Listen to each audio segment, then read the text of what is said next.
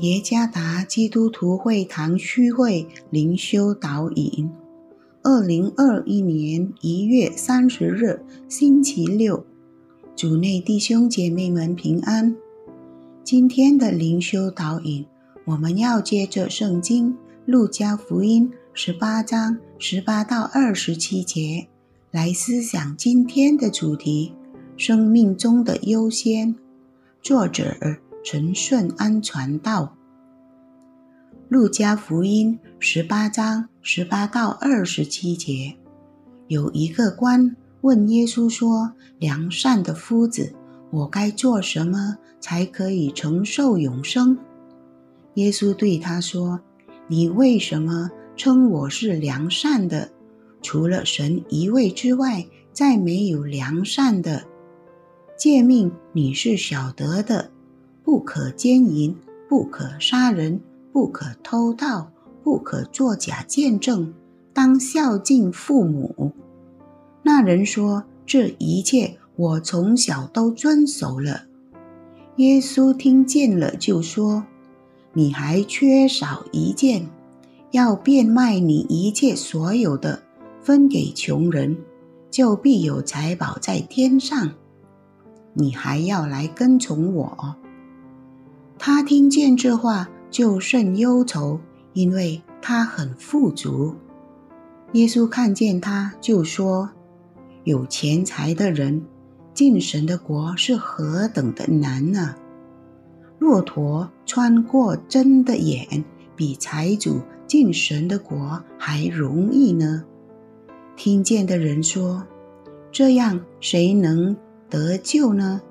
耶稣说。在人所不能的事，在神却能。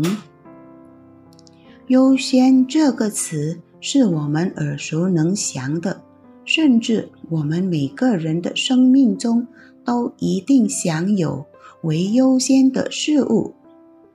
优先本身的意思是将某件放在其他前头的事，一个为优先的事物。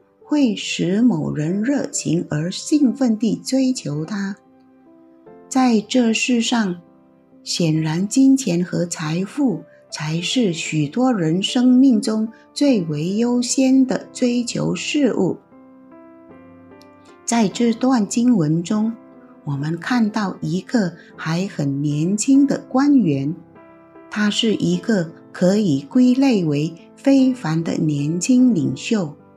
因为他关心天上的事物，他说他从小已经遵守所有诫命，然而乍看之下很完美，他的心灵深处却存有问题，即是他的心灵受世俗的财富捆绑，甚至于崇拜他，可以说世俗的财富。成为他生命中的最优先。他遵守诫命，只为实行宗教要求的一种形式，却不了解诫命背后的含义。事实上，在他内心深处，把财富作为所崇拜的偶像。而第一条诫命里说，除了上帝以外，不可有别的神。这意味着上帝不愿与宇宙中的任何事物，包括财富来比较而成为次要的。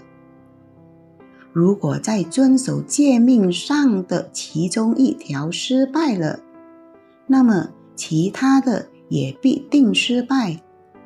这个有钱财的人未能把上帝成为他生命中的最优先。换句话说，他在尽心尽意爱上帝的心态上失败了，并且没把他成为生命中的首位。那么，他也必定在爱他人的事上失败。这就是为什么，当基督要他变卖所有财富并分给穷人时，他感到非常忧愁。为什么忧愁呢？因为他是如此爱慕、难以放弃成为他偶像的财富。什么是成为我们生命中的优先？若是世界，那世界就成为我们的偶像，我们将被这个偶像世界所驱使，绝对不会真诚地跟随基督。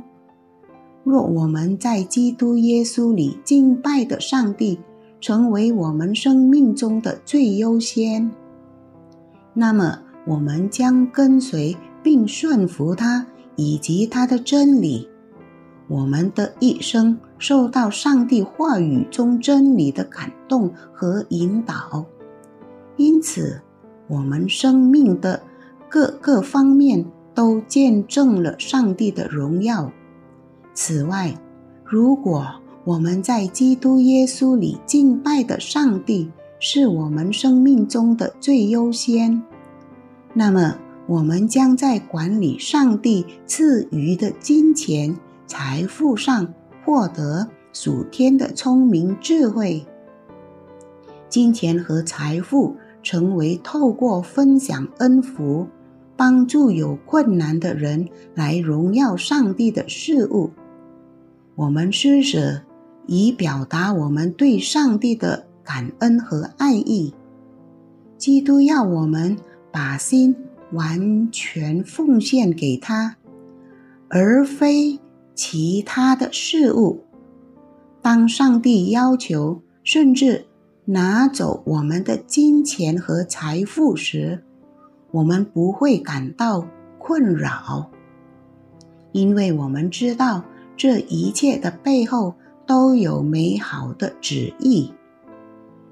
基督门徒最优先的是将上帝成为他生命中的首位，好好管理上帝所赐下的所有祝福，并为上帝的荣耀献上。主耶稣赐福。